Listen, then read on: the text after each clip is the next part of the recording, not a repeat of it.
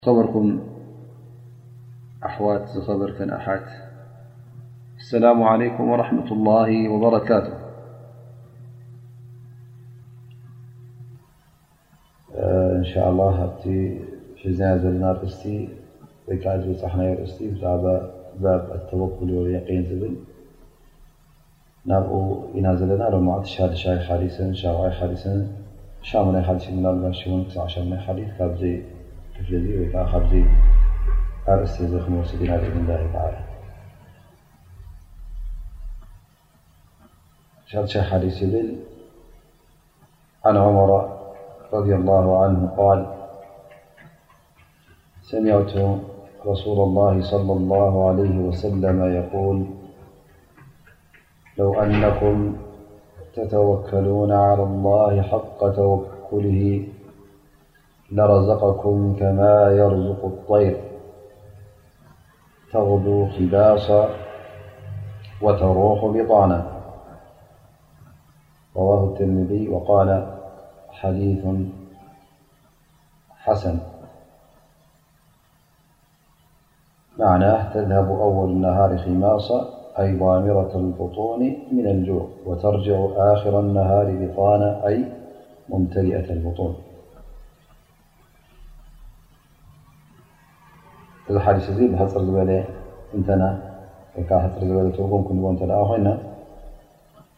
ነቢ ስ ላ ለ ወሰለም ይብሉ ከምቲ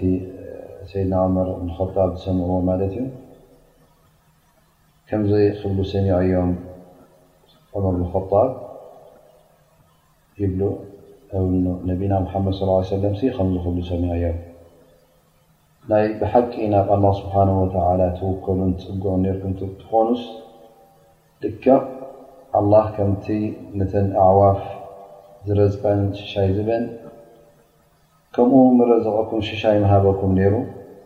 ንሰን ንግሆ ጥራይ ከብደን ይኸዳ ምሸት ድማ ፀጊበን ይምለሳ እዩ ዝብል ሓዲስ ማለት እዩ ነቢ صለ ላه ለ ሰለም ሕጂ እዚ ሓዲስ እዚ እተ ከምትንትኖ ኮይንና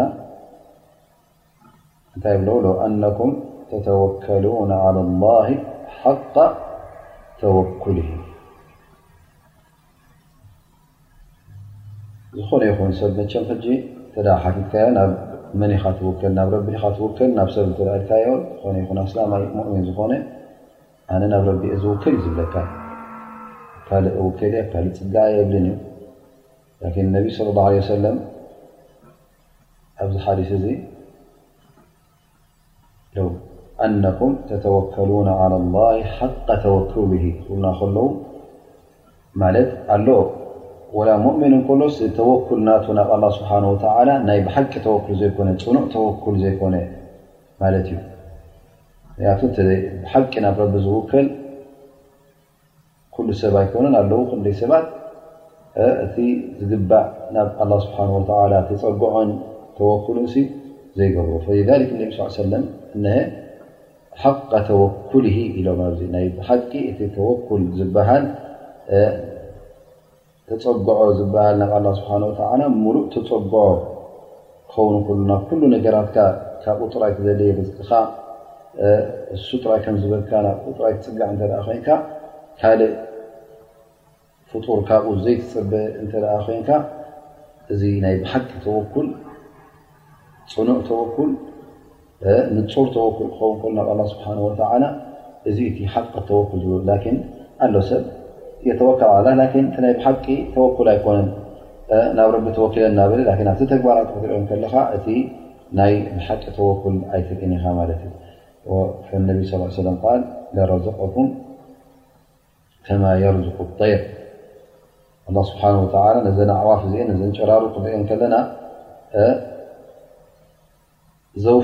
ሒዝዎን ጓሳ ዘውፍሮን የለን ከም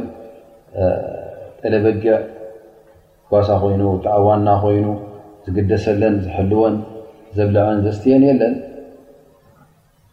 እንታይ ደኣ እዘን ኣዕዋፍ እዚአን ኣብ ሰማይ ነፍራ ይበራ ካብ ስፈር ሰፈረን ወፅየን እንታይ ክገብራ ንግሆ ጭጭ እናበላ ይብገሳ ማለት እዩ። ርዝቀን ክደልያ ሽሻየን ክደልያ ሙሉእ ለይቲ ኣብ ገረብ ሓዲራ ኣብታ ትድቅሰላ ወይ ከዓ ኣብታ ትሓድረላ ቦታ ዝኾነ ይኹን ሓዲራ ካብዛ ገረባ ንግሆ ትብገስ ማለት እዩ። ናበይ ገፃ? ርዝቃ ከደሊ ተغዱ ኣልغዱ ብማና ንግሆ ክትብገስ ከለኻ ዳ ክበሃል ከሎ ቋቋ ዓረብ ዳ ፊ صባሕ ናይ ንግ ክኸውን ከሎ ረሓ ድማ ክምለስ ከሎ ናይ ኣጋ ምሸት ይኸውን ማለት እዩ ከዘን ናዕዋፍ እዚአን ንግሆ ጠምየን ከለዋ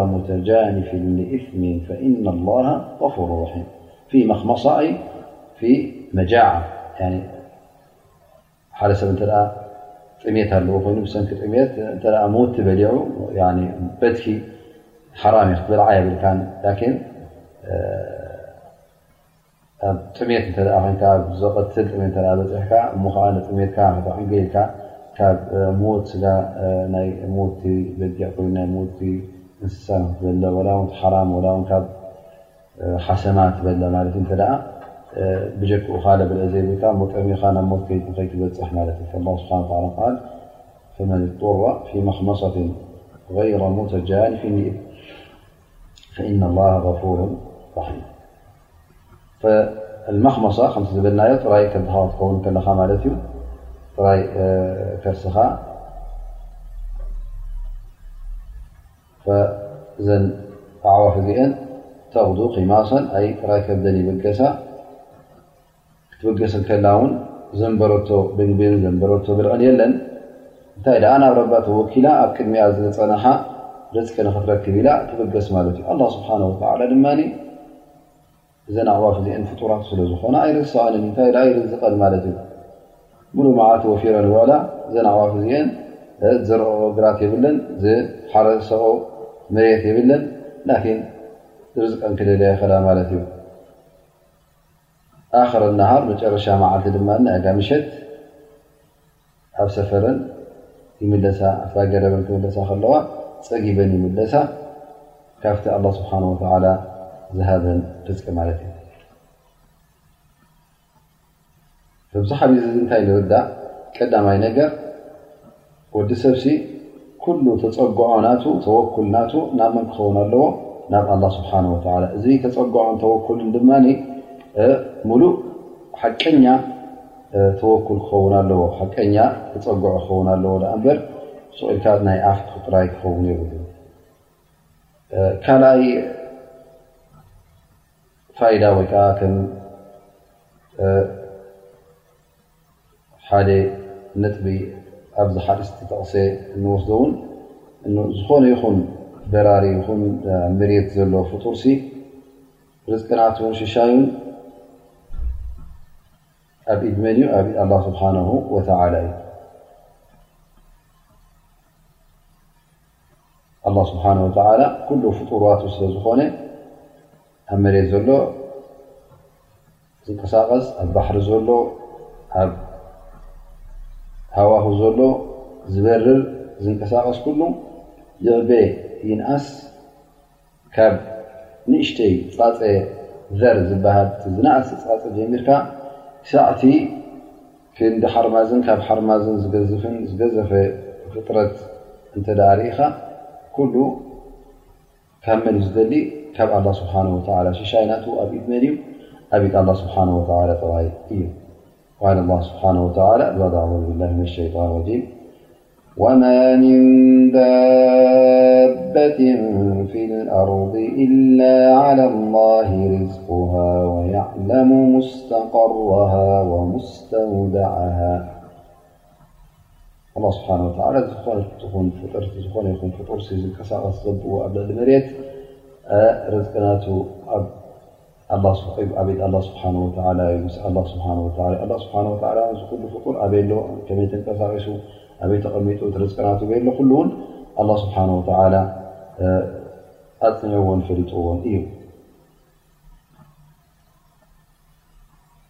ስለዚ እቲ ርዝቅና ኩሉ ግዜ ናብ ዓቢድ ኣላ ስብሓን ወተላ ስለ ዝኾነ ፍፂምና ክንሽገር የብልናን ፍፂምና ክንሻቐል እውን የብልናን እዛ ዱንያ እዚኣ እውን ከተሻቕለና የብልናን ምክንያቱ ኣላ ስብሓን ወተላ ፍጡራት ስለ ዝኾንና ኣይክርሳዓና ዩ ርዝቅናቲ ርዝቅና እውን ክህበና እዩ ስለዚ ገለገለ ሰባት እቲ ኢማኖም ጎደሎ ስለ ዝኾነ የظኑና ብላሂ ظነ ሰው ኣላህ ስብሓን ወተላ ርዝቂ ዝርስዖም ይመስሎም ዘይረዝቆም ውን ይመስሎም ማለት እዩ እሞ ከዓ ገሊኦም እንታይ ክብሉካ እንተ ቆልኡት ሓደ ኣብዚሑ ቆልኡት ኣብዝሕካ ቆልኡት ኣይተብዝሕ ኢሎም ተኣኑ እስኻ ተብልዖም ኮይኑ ይርእዎ ማለት እዩ ወይ ከዓ ውን ባዕሉ እቲ ሰብ እተ ደቂ ቆልኡት ንኸይብዝሕ እተ በዚሖም ካብቲ ዘምፅኦ ዘሎ ሽሻይን ርጥቅን ካብኡ ከጉድሉ ስለ ዝመሰሎም ማለት ከምዚ ኣላ ስብሓን ወተላ ከምዘይረጥቆም ገይሩ ክሽገር ትርእዮ ማለት እዩ እዚ ድማ ጥፍዓት ይኸውን ማለት እዩ ናይ ብሓቂ ተወኩል ዘይብሉ ሰብ እዩ ዝከም ዘብል ላ ስብሓን ወተላ በቶም እትወልዶም ህፃናት ቶም እትወልዶም ውላድ ኣላ ስብሓን ወተዓላ እዚ ዘይበሃል ርዝቂ እውን ክበካ ይክሉ ንናቱ ርዝቂ ውላድ ርዝቁ ሒዙ ዩ ዝውለድ የብሉሉ ስለዚ ኢማን ካብ ኣላ ስብሓን ወተዓላ ቁኑዕ ክኸውን ኣለዎ ካብ ሕፅረት ናይ ርዝቂ ፈሊካ ድማ ኣነ ቆልዓ ክልተ ቆልዓ ይኣክለኒ ኢልካ እቲ ናይ ውላድ ውን ከተቋርፆ የብልካ ንቲ ውላድ ገዛእ ርእሱ ዓብ ሽሻይ ዓብ ርዝቂ እዩ ስለምንታይ ርዝቂ እናመፀካ ከሎ ነዚ ርዝቂ እዚ ተኣቢ ነዚ ርዝቂ እዚ ብትዕቢት ትነፅጎ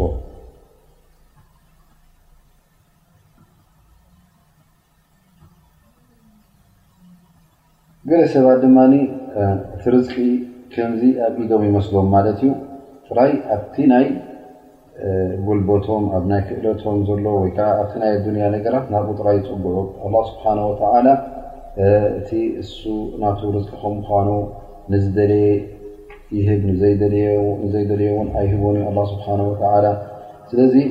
እዚ እውን እንታይ ማለት እዩ ቀዳማይ ነገር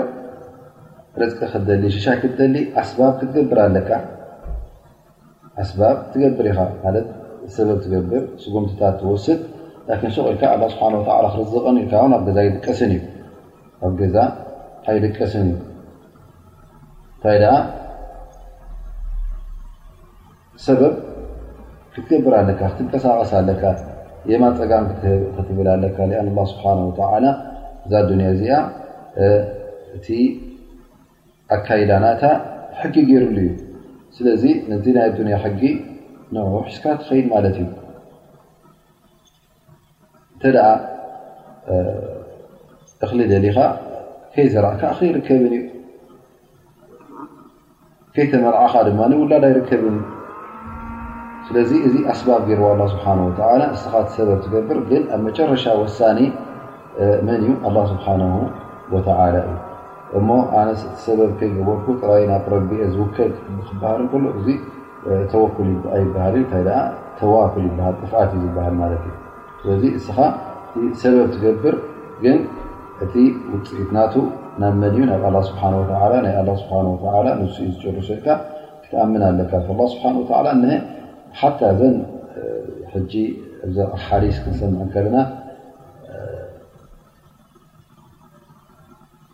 ተቕዱ ኺማሶን ወተሩሑ ቢጣንን ኢሎምና ነቢ ስ ሰለም ንገዛእ ርእሰን እዘን ኣዕዋፍ ኣብታ ዘለዋ ኣገረብ ኣብታ ዝሓደራላ ኣገረብ ኮፍ ኣይበላን እንታይ ደኣ ተንቀሳቒሰን ማለት እዩ ርዝቂ ክደልያ ኣኑ ኣእምሮ የብለን ዓቕሊ የብለን ላኪን ላ ስብሓን ወተዓላ እቲ ናይ ርዝቂ ምድላይ ናይ ብልዓን ናይ መስትኣን ምድላይ ክእለት ሂዋ ኣበይ ከም ዝርከብ እዚታት ሓገዝ ገይሩላ እዩ ስለዚ ንሳ ድማ ኣብቲ ዘላቶ ቦታ ርዝቂ ክመፀን ኢላ ውን ኣይትፀበየትን እንታይ ደኣ እዘን ኣዕዋፍ እዚኤን ውን ተበጊሰን ማይ ክደልያ ርዝቂ ክደልያ ክሰትያ ክበልዓ ማለት እዩ እዘን እቲ ወዲ ሰብ ውን እቲ ርዝቂ ኣላ ስብሓን ወተላ እዩ ዝህበካ መጨረሻ ግን ኮፍ ክትብል የብልካ እንታይ ደኣ ክትንቀሳቐስ ኣለካ ሰይድና ዑመር ሓደ ግዜ ገለ ሰባት ኣብ መስጊድ ኮፍ ኢሎም ረኺቦሞም ማለት እዩ እንታይ ክገብሩ ዱዓ ገብሩ ማለት እዩ እንታይ ርዝቂ ደልዮም ሽሻይ ደልዮም ረቢ ኣላ ስብሓን ወተላ ክፈትሓሎ እሞ እንተ ረቢ ከፍተልካ ደሊካ ስዑትካ መስጊድ ኮፍ ኢልካ ዱዓ ምግባር ጥራይ ኣይኮነን እንታይ ደኣ ኬትካ ትንቀሳቀስ ኣለካ ናይ ክእለት ናይ ንግዲ ንብዕለካ ትነግድ ክእለት ናይ ሕርሻ እተ ኣለካ ኮይኑ ትሓርስ ክእለት ናይ ጥበብ ናይ ኢድ እተ ኣለካ ኮይኑ ጥበባትካ ትጥቀመሉ ማለት እዩ ጉልበት እተ ኣለካ ኮይኑ ናይ ጉልበት ስራሕ ትሰርሕ ዛሊክ እንታይ ገሮም እዞም ሰይድና ዑመር ነዞም ሰባት እዚኦም ብበትሪ ሃሪሞም ኪዱ ኢሎም ዝኹም ዝለዩ ኣላ ስብሓን ወተላ ካብ ሰማይ ይመሰማ እዳ ትምጢሩ ርሃቦም ወላ ፍዳ ሰማይ ሲ ስቁኢልካ ወርቂ ጠረብረብ ኣይተብለልኩምን እያ እንታይ ደኣ ተንቀሳቀሱ ስርሑ ዱዓ ድማ ግበሩ ኩሉ ከተማልኣ ኣለካ ማለት እዩ መጨረሻ ድማ ናይ ኣላ ርዝቂ ናይ ኣላ ሽሻይ ከም ምኳኑ ትኣምን ማለት ስለዚ እቲ ኣስባብ ክትገብሮ ኣለካ ናይ ርዝቂ ክትጠልብ ከለካ ብዝኾነ ይኹን ብዝከኣለካ ብሸነካቱ ትጠልብ ማለት እዩ ብዘራእቲ ይኹን ብንግዲ ብስራሕ ብዝከኣለካ በቲ ረቢ ዘፋኾሰልካን ናብ ኣላ ስብሓን ወተላ ዘየሰረልካን ትገብር ማለት እዩ እዚ ሓዲስ እዚ ካብ ክንቀርዖም ከለና ወይከዓ ክንንብቦም ከለና እንታይ ንረክብ ማለት እዩ ኣዕዋፍሲ ከምኡውን ዝኾነ ይኹን ፍጡርሲ ንኣላ ስብሓን ወተላ ከም ዝፈልጥ ዝሕብረና ማለት እዩ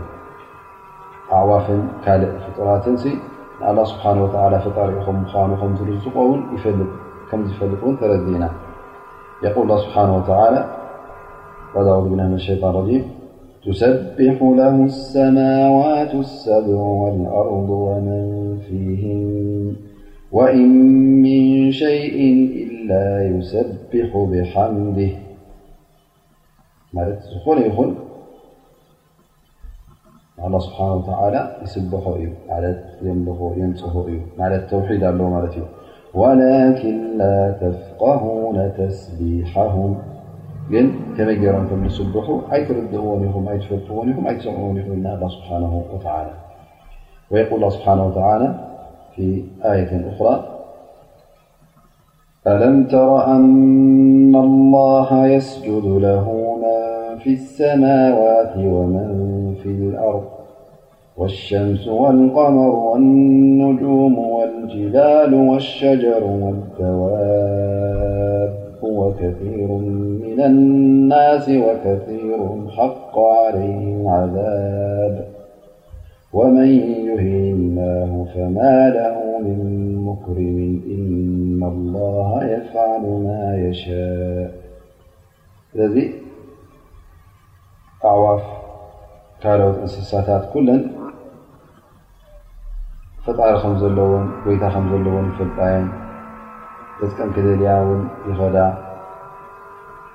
ኣላ ስብሓን ወተላ ድማ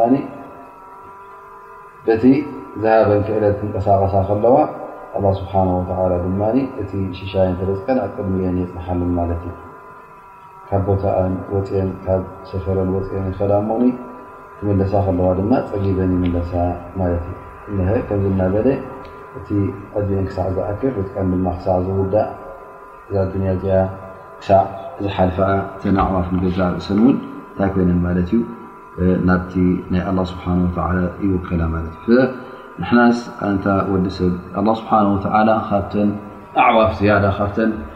ጨራሩ ዝያዳ ኣእምሮ ሂቡካ እዩ እሞ ንስኻ ውን ትፈልጥ ኢኻ ኣላ ስብሓን ወተላ ከም ዝረዝቕ ኣላ ስብሓን ወተላ ከም ዝህብ ሽሻይ ከይተንቀሳቐስካ ውን ከይ ላዕሊ ታሕትን ከይበልካ ውን ስቁኢልካ ትርዝቂ ውን ከምዘይ መፀካ ትፈልጥ ኢኻ ስለዚ ካብ ኣዕዋፍ ክንሓምቕ የብልናን ስን እኳ እዛ ዓዲ ተወክል ናብ ኣላ ስብሓን ወተዓላ ዝውከላ ዘለዋ ንሕናኸ ብዝያዳ እቲ ኣላ ስብሓን ወተዓላ ሂቡና ዘሎ ክእለትን ትምህርትን ፍልጠትን ዕልምንሲ ኣእምሮንሲ ስለምንታይ ዘይንጥቀመሉ ስለምንታይ ዘይንበልፀሉ እንታይ ምኽኒት ኣሎ ስለዚ ከምቲ ነቢና ሙሓመድ ስ ሰለም ዝሓበሩናስ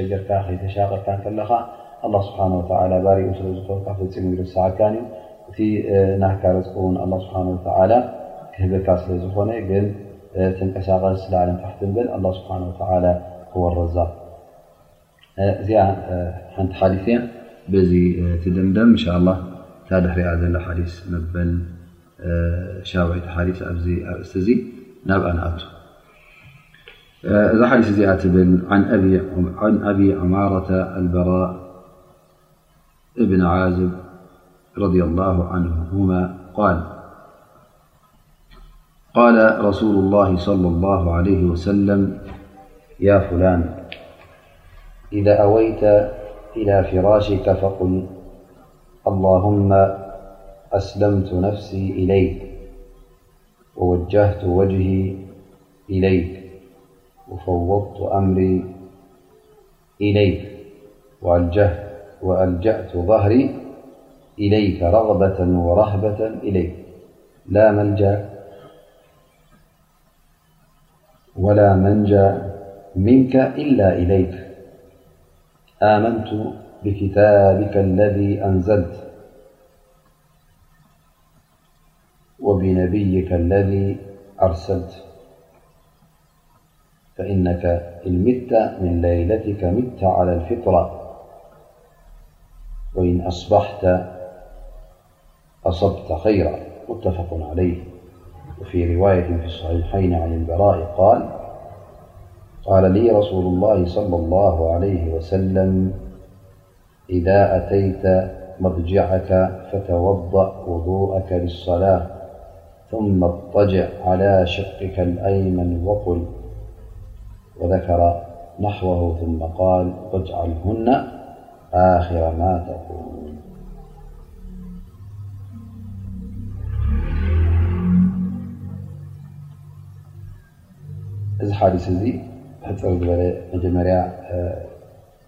ትርጉም ክንትርጉሞ ነቢ صለ ላه ለ ወሰለም ይብሉ ንሓደ ካብቶም ኣስሓባ ፅዋዕ ኣቢሎሞ ያ ፍላን ይብልዎ ኣንታ ክስቶ ንዓ እንተ ደኣ ኣብ መደቀሲኻ ኣብ ፍርናሽካ ኣብ ዓራትካ ደይብካ ኣብቲ ሓደ ሓዲስ ጠቐም ውድኡ ዘኪሮም ኣለዉ ውድኡካ ጌርካ ውድኡካ ምስ ገበርካ ውዓላትካ ምስ ደይብካ ነዛ ቃል እዚኣ ወይከዓ ነዘን ዝብለካ ዘለኹ ዘረባ ንዕአን ኣዘውትር ንዕኦም በለን ኢኻ ክድቅስ እንከለኻ ኢሉ ማለት እዩ እሰን ከኣ እንታይ ኣላሁመ ኣስለምቱ ነፍሲ ኢለይክ እታ ጎይታይ ነፍሰይ ንዓኻ ሰሊመያ ገፀይ ውን ናባኻ ወጅሀዮ ጉዳየይ ውን ንዓኻ ገዲፈዮ ዝባነይውን ናባኻ ኣጸጊዐዮ፣ ፈትየን ፈሪሀን ካባኻ። ፈትየን ንዓኻ ፈትየን ነቲ ር ናካ ፈትየ ማለት እዩ ካብ መቕጻዕትኻ ድማ ፈሪሀን ካባኻ ድማ እንፅበዎን እንሕበኣሉን የለን ናባኻ እንተዘይኮይኑ በቲ ክታብካ ኣሚነ በቲ ዝለኣኽካዮ ነቢ ውን ኣሚነ። ከምዚኣ በል ኢሎም ማለት እዩ እነቢ ስ ሰለም ሽዑ እንተ ደኣ ኣብዛ ደይትኻ እዚኣ ሜትካ ሚታ ዓለ ልፊጣ ማለት ኣብ ኢማን ኣብቲ ረቢ ዝፈጠረካ ኢማን ናይ ብሓቂ ኢማን ኣብኡ ሜትካ ትመውት እንተ ደኣ ተሲእካኸ ተደኣ ዘይሞትካ ንፅባሒቱ ወጊሑልካ ኼር ሒዝካ ተሲእካ ማለት እዩ ይብሎም ነቢ ለ ላ ለ ወሰለም ኣብ ካልእ ሓዲስ እውን እንታይ ጠቂሶም ማለት እዩ ክትድቅስ ከለኻስ ብየማናይ ጎንኻ ምስ ደቀስካ ወይከዓ ብየማናይ ጎንኻ ምስ ኮንካ ከምዚኢልካ ድዓ ግበር ኢሎሞ ማለት እዩ እዛ ሓዲስ እዚኣ መጀመርያ እንታይ ሓደ ካብቲ ኣድካር ናይ ምንታይ እዩ ናይ ድቃስ ማለት እዩ ኣብ እስልምና መቸም ብዙሕ ነገራት ነቢ صለ ላه ለ ሰለም ይኹን ኣ ስብሓ ላ ክታቡ ኩሉ ጠቂሱልና ማለት እዩ እንብሎ እነዘውትሮ ኣድካር ቃላት ኣብ ሰላት ክሰግድ ከለኻ ትብሎ ኣብ ግዜ ፆም ኣብቲ በብዓይነቱ ዒባዳ ክትገብር እንከለኻ እትብሎ ቃላት ኣሎ ከምኡ ውን ኣብቲ መዓልታዊ መነባበሮኻን ንጥፈታትካን እውን እትገብሮ እትብሎ ኣሎ ማለት እዩ ካብ ገዛ ክትወፅእ እንከለኻ ገዛኻ ክትኣት እንከለኻ ሹቅ ክትከይድ እንከለኻ ከምኡ ውን ሽቓቕ ክትኣቱ ካብ ሽቓቕ ክትወፅእ እንከለኻ ከም ዝኣመሰለ ነገራት እውን መጀመርያ ክትበልዕ እንከለኻ እንታይ ኢልካ ትጀምር ዝፀገብካኸ እንታይ ትብል እዚ ኩሉ እንታይ ኣሎ ኣድካር ማእራ ዝበሃል ካብ ነቢና መሓመድ ስ ሰለም ዝፀንሓና ዱዓን ዝክር ንገብሩን ኣሎ ማለት እዩ እዚ ሕጂ ካብቲ ኣድካር እኖም ብስሚ ኣሞ ኣሕያ ዝብ ሕፅር ዝበለ ኣዓ مز لو معلت اعن حديث اللهم أسلمت نفسي إليك ووجهت وجهي إليك وفوضت أمري إليك وألجأت ظهري إليك رغبة ورهبة إليك لا ملجى ولا منجى منك إلا إليك آمنت بكتابك الذي أنزلت ወብነብይከ ለዚ ኣርሰልት እዚኣ ሕጂ እንተ ሓደ ሰብ ካባና ኣጽኒዕዋ ሓፊዝዋ ጽብቕቲ ትኸውን ማለት እዩ ምእንቲ ኣብ ዓራት ምስ ደየብካ ክድቅስ ከለኻ ትብላ ምክንያቱ እንተ ሜትካ ኢሎም ነቢ ስ ሰለም ዓለል ፊጥራ ኣብ እስልምና ትመውት ማለት እዩ እንተ ተሲእካ ድማ ጽቡቕ ርኪብካ ር ረኪብካ ትትስእ እዚ ሓዲስ እዚ ሓደ ካብቲ ኣድካር እዩ ላኪን ኣብ ርያድ ሳልሒን ተዳሪእናዮ ኣበናይ ኣብ ትሕቲ ኣየናይ ኣርእስቲ ንረኽቦ ማለት እዩ ባብ ተወኩል ወልየቂን ኣው ባብ ልየቂን ወተወኩል ዝብል ኣብኡ ንረኽቦ ማለት እዩ ከምቲ ዝበልናዮ እዚ ከም ዚክር ኮይኑ ከሎ ግን እንታይ እቲ ትሕዝቶ ናቱ ኩሉ እንታይ እዩ ተዳሪእናዮ እቲ ጉዳይካስ እቲ ኩሉ እንትናኻ ናብ ኣላ ስብሓን ወተዓላ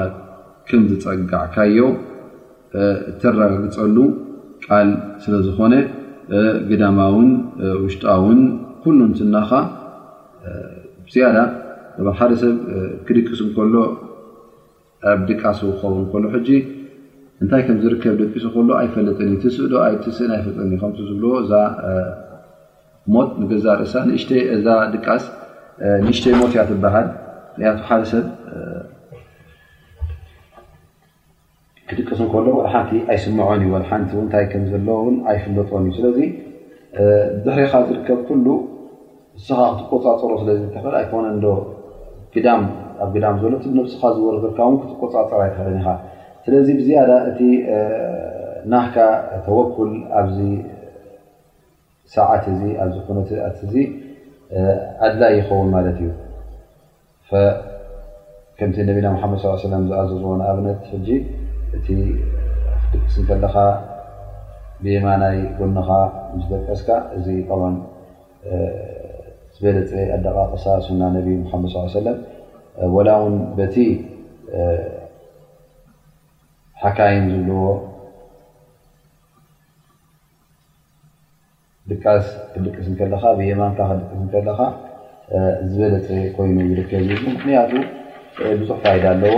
ምክንያቱ እታ ልቢ ብዝያዳ በቲ ናይ ፀጋማይ ሸነኽ ስለ ዝኾነት ክድቅስ ከለኻ እተ ኣብኡ ደቂስካስ ንዓዓ ትፀቕጣኻ ይብሉ ላን ብየማን ክድቅስ ከለኻ ሕዚ ንዓ ካብ ፀቕጠት ተድሕና ኣለኻ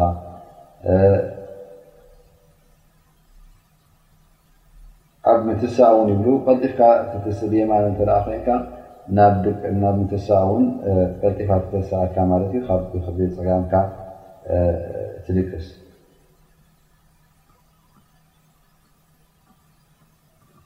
ምክንያቱ እቲ ከምዝበልናዮ እቲ ልቢ ኣይፅቀጥን ደማት ውን ፅቡቕ ይመሓላለፍ እሞኒ ክትስእ ከለካ ቀልጢፍካ ክትስእ ይብ ላሁ ኣለም ዝኾነ ይኹን ግን እቲ ሱና ናይ ነቢና ሓመድ ስ ሰለም ብዝያዳ ዩ ዘገድሰና ብየማንካ ብየማን ጎና ክትደቅስ ከለካ እዚ ቃላት እዚ ትብል ማለት እዩ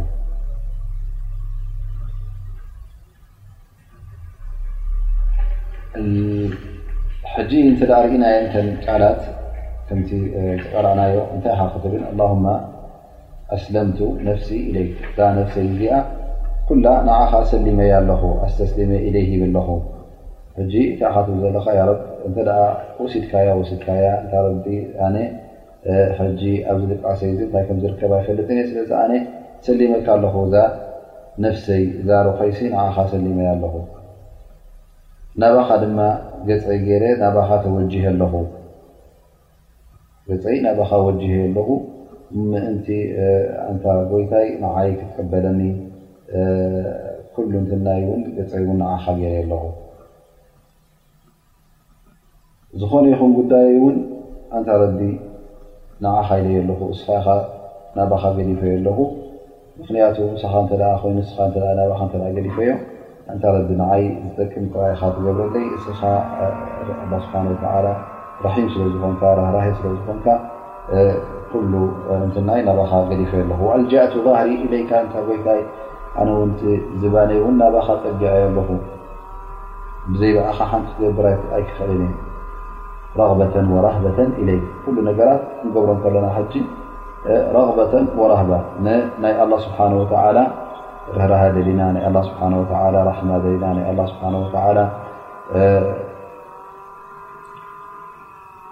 ራህዋን ደስታን ፍስሃን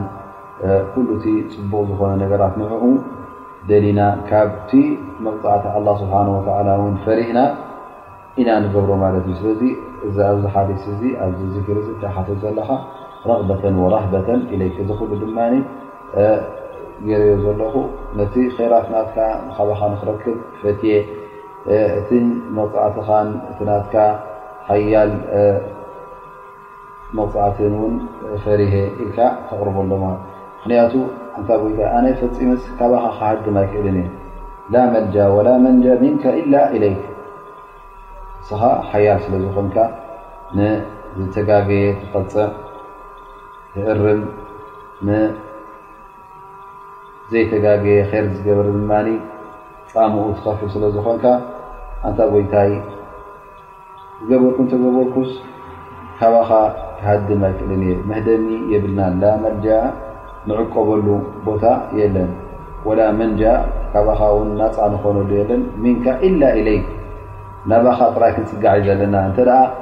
ካብቲ ናትካ መቕፃዕቲ ንፈርህ ኮይና ናብ መና ክንፅጋዕ ዘለና ናባኻ ተመሊስና ክንፅጋዕ ኣለና ማለት እዩ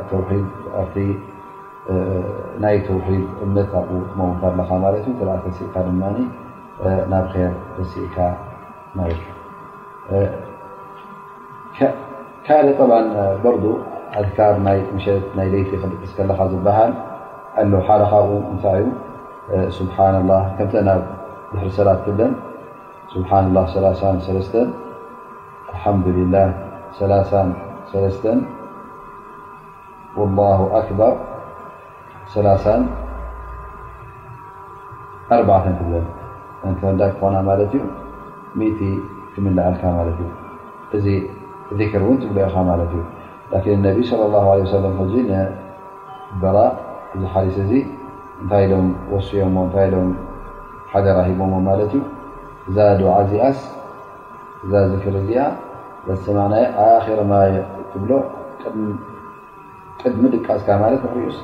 ትዛረብ የብልካ ድሕሪኡ ካልእ ቃል ክተውፅእ የብልካ እንታይ ኣ መጨረሻ ቃል ካባኻ ዝወፅእ ዘንሃርኩኻ ክኾና ከለዋ ኢሎም ነቢ ስ ሰለም ኣዚዘሞን ማለት እዩ ኣብ ካልእ ሓዲስ ተዛርኢና በራእ ብን ዓዝ ዝሰምዐ እዚ ሓዲስ እዚ ካብ ነቢና ሓመድ ስ ሰለም እንታይ ገይሩ ማለት እዩ ነቢ ስ ሰለም ኣማዕሺሮሞ ስለዚ እሱ ደድሕሪኦም ኣያ ረሱላ ላ ኣነ እዛ ዝበልካ ንዝክርሲ ኣፅኒዐያ ከም ምኳነይ ክፈልጥ እንደገና ዶ ከስማዓካ ኢሉ ነቢና ሓመድ ለ ላ ሰለም ኣስሚዕዎም ማለት እዩ ከም እንደገና ዝበሎም ነቢ ስ ሰለም ደጊሞ ምስ በላ እንታይ ኢሉ ኣብ ሓንቲ ነጥቢ ተጋጊ ማለት እዩ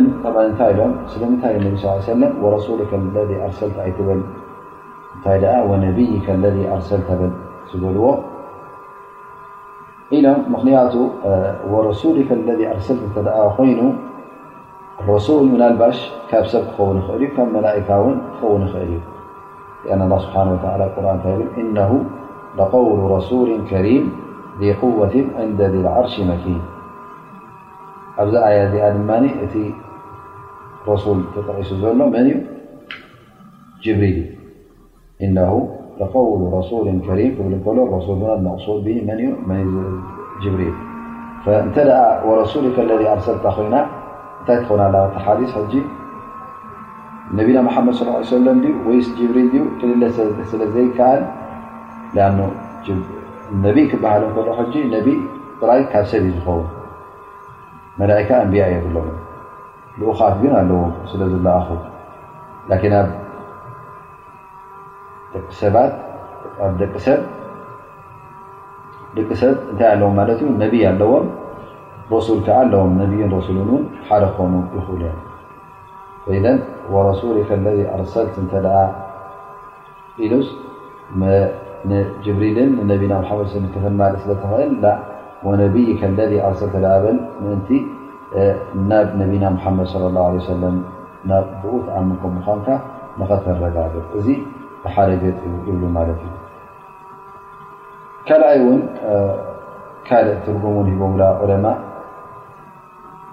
እንተ ወረሱሊከ ለذ ኣርሰልት ኢሉስ እታ ነብይነት ኣይተገለፀትን ክትግለፅ ምኽንያት ዓ ነ ዝኾነ ይኹን ረሱል ሲ ነብ እዩ እወ ግን እታ ነገር ኣይተገለፀትሉ ማለት ኣይበረሀትን ብዝያዳ ይብሉ ማለት እዩ ግን እቲ ስሞም ነብይ ኢልካ ክጠቕሶም ከለኻ ወነብይ ከለ ኣርሰል ክትብል ከለኻ ሕጂ ነብይን ልኡኽን ከም ምኳኑ ብቃል ዝያዳ ትገልፅ ኣለኻ ማለት እዩ ስለዚ ኣብ ክንዲ ብጥዋይ መፅእካ ወይከዓ በቲ ካልእ ሸነክ መፅእካ ነብይነቱ ተፍልጥ ትኽኢልካ ነቲ ነብይነት ናይ ኣነብና ሓመድ ስ ሰለም ሓቂ ከም ምኳኑ ከምዝኣመንካሉ ብልኡኽነቱን ብነብይነቱን ከም ኣመንካሉ ከተረጋግፅ ብቃል ክትጠቕሶ ከለኻ እዚ ነዚ ዝያዳ ስለ ዘለዎ እነቢ ስ ሰለም ከምዚ ኢሎም ሓቢሮም ይብሉ ዑለማእ ማለት እዩ እዚ ሓዲስ እዚ ከምቲ ዝበልናዮ እቲ ቀንዲ ትሕዝትኡ ናይ ኣድካር፣ ዱዓ፣ ቅድሚ ድቃስ ትብሎ ይኹን ደኣ እምበር ግን እቲ ትሕዝቶ ናቱ ኩሉ ናብ ናይ ባብ ኣተወኩል ጉዳይካ ኩሉ ናብ ኣላ ስብሓን ወተዓላ ምፅጋዕ ናብኡ ምዕቋብ ስለ ዝኾነ ኩሉ ነገራትካ ውን ብጀካ ካብ ኣላ ስብሓን ወተዓላ ካብ ካልእ ከምዘይትደልዮ ተረጋግፀሉ ተረጋግፀሉ ዱዓ ስለዝኾነ ብዝያዳ ክደቅስ ከለኻ እዚ ሕጂ እንታይ ኮይኑ ማለት እዩ ኣብቲ ባብ ተወኩል ኣትዩ ማለት እዩ በዚ ነዚ ሓሊፍ እዚ ንውድኦ ባረከ ላ ፊኩም ኣላሁ ታሪፈኩም ሙተፈቁን ዓለይ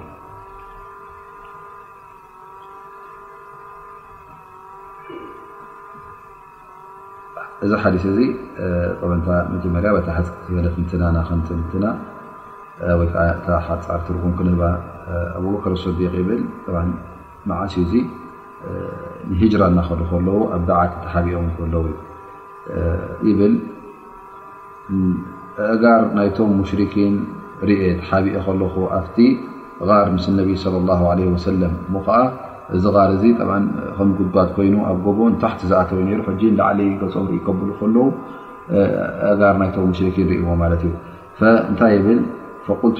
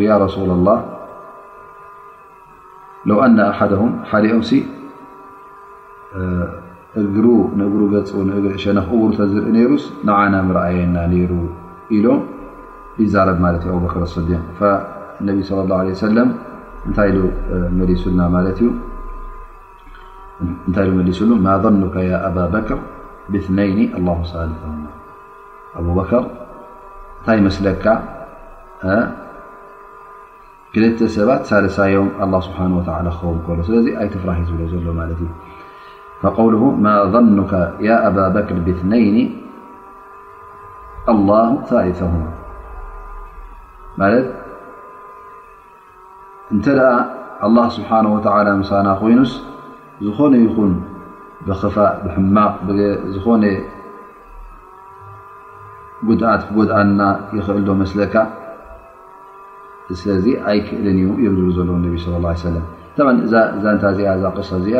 ከምቲ ኮላህና ንፈልጦ እነቢ ስለ ላ ለ ወሰለም ካብ መካ ንመዲና ገፆም ሂጅራ ኢሎም ክፈልሱ ከለዉ ነቢ ስ ሰለም ጠ ኣብ መካ ዓሰርተ ሰለስተ ዓመት ዳዕዋ ክገብሩ ጸኒሖም ገለ ካብቶም ሙሽሪክን ዝነበሩ ኣብ እስልምና ኣትዮም ገለ ከዓ ፈፂሞም ኣብዮም ማለት እዩ ምስ ኣበዩ ኣንፃር ነቢና መሓመድ ስ ሰለም ን ኮይኖም ክጎድእዎም ንዕኦምን ነቶም ሰዓብቶምን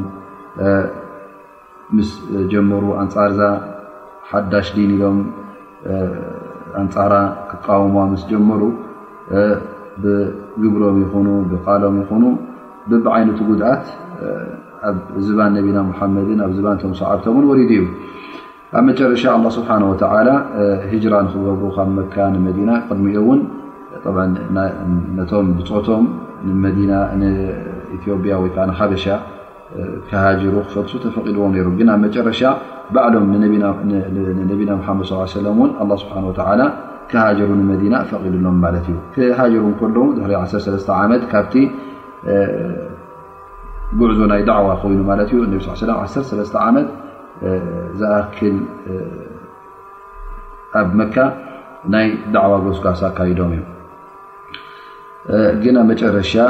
እዞም ኣህሊ መካ ብ ሰብ መካ ዝነበሩ ሰባት ነቲ ዲን ብደንቢ ስለ ዘይተቐበልዎ ኣላ ስብሓን ወተላ ንመዲና ክሃጀሩ ምስ ኣዘዞም ነቢ ስ ሰለም ምስ ኣቡበክር ኮይኖም ከምኡ ውን መንገዲ ዝመርሖምን ኣብ መንገዲ ዝኸድሞምን ዘገልግሎምን ወሲዶም ተበጊሶም ማለት እዩ ሙሽሪኪን ምስ ሰምዑ ነቢ ስ ሰለም ካብ መካ ወፂኦም ምስ ሰምዑ ኣርክቦ ኣርክቦ ኮይኑ እንተ ደኣ ሒዝኩምሞ ንነቢ ሙሓመድ ዝሓዘ ገድተ ሚእቲ ኣግማል ክወሃብ ኢሎም ንኣብበከር ዝሓዘ ድማ ሚእቲ ክወሃብ እዩ ተባሂሉ ንህልካ ደኣ ሲ እዚ ነገር እ ዝተሰምዐ ብኩሉ ሸነኻት ሰባት ሰብኡት ተኣኪቦም ማለት እዩ ነዚ ብልጫ እዚ ነዚ ናይ ሚትን ናይ ክልተ ሚትን ኣግማ ንክረኽቡ ፈቐድኡ ተነዚሖም ማለት እዩ ደድሕሪ ነቢና ሙሓመድ ስለ ላ ለ ሰለም ኣብ ጎቦቦታትን ኣብ ፈቐዶ ሽንጡራትን ፈቐዶ ጎቦታትን ኣክራናትን ፈቐዶ ባዓትታትን ክደልዎም ኣትዮም ማለት እዩ ገለ ካብኣቶም ኣበይ በፂሖም ማለት እዩ እዞም ዝደልዩ ዝነበሩ ኣብቲ ነቢና ሓመድ صለ ሰለ ተሓቢኦም መጥበ ነቢ ስ ሰለ ውፅእ ምስ በሉ ካብ መካ ጉዕዝኦም ኣይቀፀሉን እንታይ ደኣ ገይሮም ኣብ ሓንቲ ቦታ ኣብ ሓንቲ በዓቲ ር ር ዝበሃል በዓቲ ር ዝበሃል ኣብኡ ተሓቢኦም ማለት እዩ ምክንያቱ ምእንቲ ከይንቀሳቀሱ እተ ተንቀሳቂሶም ቶም ዝደልዩ ዘለዉ ንከይረክብዎም ግን ኣብቲ ኣትዮሞ ዝነበሩ በዓቲ እውን እዞም ዝድርዩ ዝነበሩ ቀሪቦም መፅኦም ማለት እዩ ኣብዚ በዓቲ እዚ እውን ትሕቲ ኣብቲ ልዕሊ እዚ በዓቲ እዚ እውን ደው ኢሎም በፂሖሞ እዮም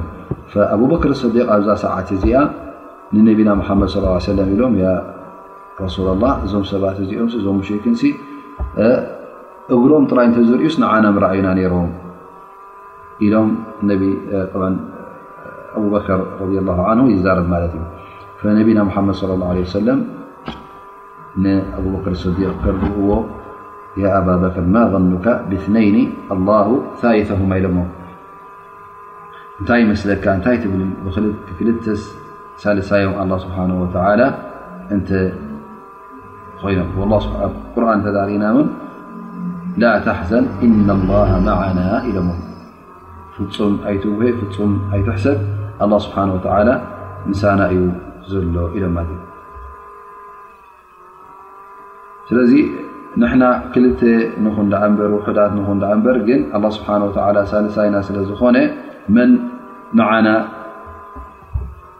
ከስንፈና ይኽእል ንሕና ክልቴና ኣነ ንስኻን ናብ ጎይታ ናብ ኣላ ስብሓን ወላ ስለ ተመርኮስና ናብኡ ስለ ትፀጋዕና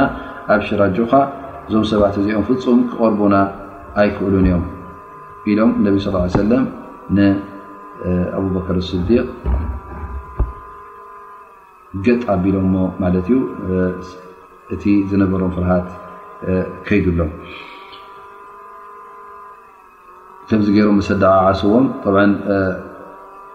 ኣቦበከር ሰዲቅ ን ይፈልጡ ነሮም ኣ ስብሓ ምስኦም ከምዝኾነ ግን ዝያዳ እቲ ተገዳስነት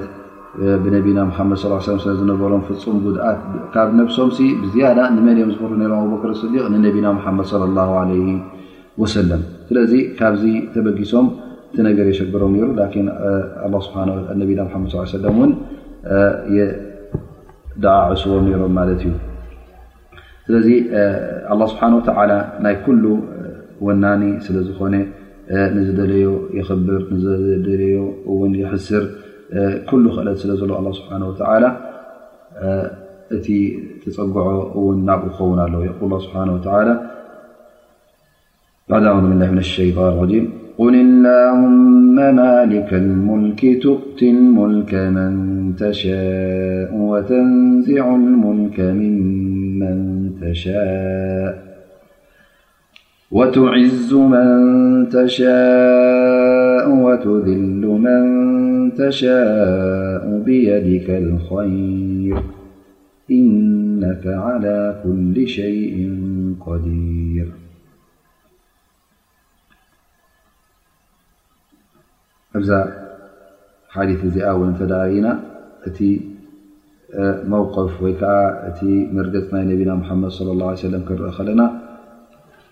ናይ ነቢና ሙሓመድ ስ ላ ሰለም ተወኩልሲ ሙሉእ ተወኩል ከም ዝነበረ ተፀግዖም ናብ ኣላ ስብሓን ወተዓላ ነቕ ዘይብል ተፀግዖ ከም ዝነበረ ፍፁም ተፀግዖ ናይ ናቶም ዘርክብ ከም ዘየለ ይረጋገፀልና ማለት እዩ ኣኑ ነቢና ሙሓመድ ስ ሰለም ነቢይን ልእኹን እዮም እሶም እዮም ድማ እቲ ሙሉእ ዘይጉዱል ኢማን ዘለዎም ናቲ ኢማኖም ዘርክብ ውን ፍፁም ከምዘይብልና ንፈልጥ ኢና ስለዚ እቲ ናቶም ተፀግዖ እነልካ ዳኣሲ ተወኩል ኣብዚ ሓዲስ እዚ እውን ርኢናዮ ማለት እዩ ዛሊክ እዚ ሓዲስ እዚ እውን በዛ ነጥቢ እዚኣ ኣብዚ ባብ ተወኩል ኣብኡ ኣትዩ ማለት እዩ ንኣብነት እውን ኣብ ዛንታ ናይ ሲራ እንታይ ይስማዕ ማለት እዩ ነቢ ስ ሰለም ኣብቲ በዓቲ ተሓቢኦም ከለዉ እቶም ሙሽርኪን ዘይረኣይዎም ስለምንታይ እዩ ኣብኡስ ርግቢት መፅኣ ስለ ዝወለደት ወይ ከዓ ሳሬት መፅኣ ውን ዓለባ ገይራትሉ እዚታት ይበሃል ማለት እዩ እዚ ዘረባ እዚ ቁኑዕ መርትዖ ወይ ከዓ ዱልዱል መርትዖ የብሉን። ብዝያዳ እቲ ኣብዚ ሓዲስ እዚ ክንርኢ ከለና እቲ ቀንዲ እቶም ነቶም ሙሽርኪን ንነቢና ሙሓመድ ስ ሰለም ይኹን ንኣብበከር ተሓቢኦምሉ ዝነበሩ ዘይረኣዮም ሲ እንታይ እዩ እቲ ሓለዋ ናይ ኣላ ስብሓን ወተዓላ ኣላ ስብሓን ወተዓላ ስለ ዝሓለዎም ነቶም ሙሽርኪን እውን ኣላ ስብሓን ወተዓላ ኣዒንቶም ስለ ዝሰወረ እዩ። ስለዚ እዚ እዩ እቲ ቀንዲ ሙዕጂዛ ኣብዚ እዋን እዚ ዝነበረ። ላኪን እቲ ናይ ርግቢትን ናይ ሳሬትን ኣብ ዛንታ ወይ ከዓ ኣብ ሲራ ገለ ንሰምዖ ላኪን ንዕኡ ዝረጋግፅ ሓዲት የለን ከም ዛንታ ግን ይውረ ማለት እዩ። ስለዚ ብቀንዲ እቲ ሙዕጂዛ ናይ እዛ ነገር እዚኣ እንተ ርኢና ኣላ ስብሓን ወተዓላ ነዞም ሰባት እዚኦም ኣዒንቶም ነቶም ሙሽሪኪን ከም ዝሰወረ እቲ ቦታ በፂሖሞ ከለዉ እቲ በዓቲ እናረኣይዎ ከለዉ ኣብዚ በዓቲ እዚ መን ኣሎ ኢሎም ንኸይኣትዉ ኣላ ስብሓን ወላ ዓጊትዎም ማለት እዩ እሱ ጥራይ ዘይኮነስ ወላ ውን ኣብ ደገ ከሎ ከይኣትዉ ከሎ ጥራይ ታሕቲ ገፆም እተ ቁሊሕ ኢሎ እተዝብሉ ነይሮም ምርኣይ ነይሩ ላኪን ኣላ ስብሓን ወላ ዓይኖም ስለ ዝሰወረ እንታይ ኮይኖም ማለት እዩ እዞም ሰባት እዚኦም ነቢና ሓመድ ስ ሰለም ከይረኸቡ ጥራይ ኢሎም ተመሊሶም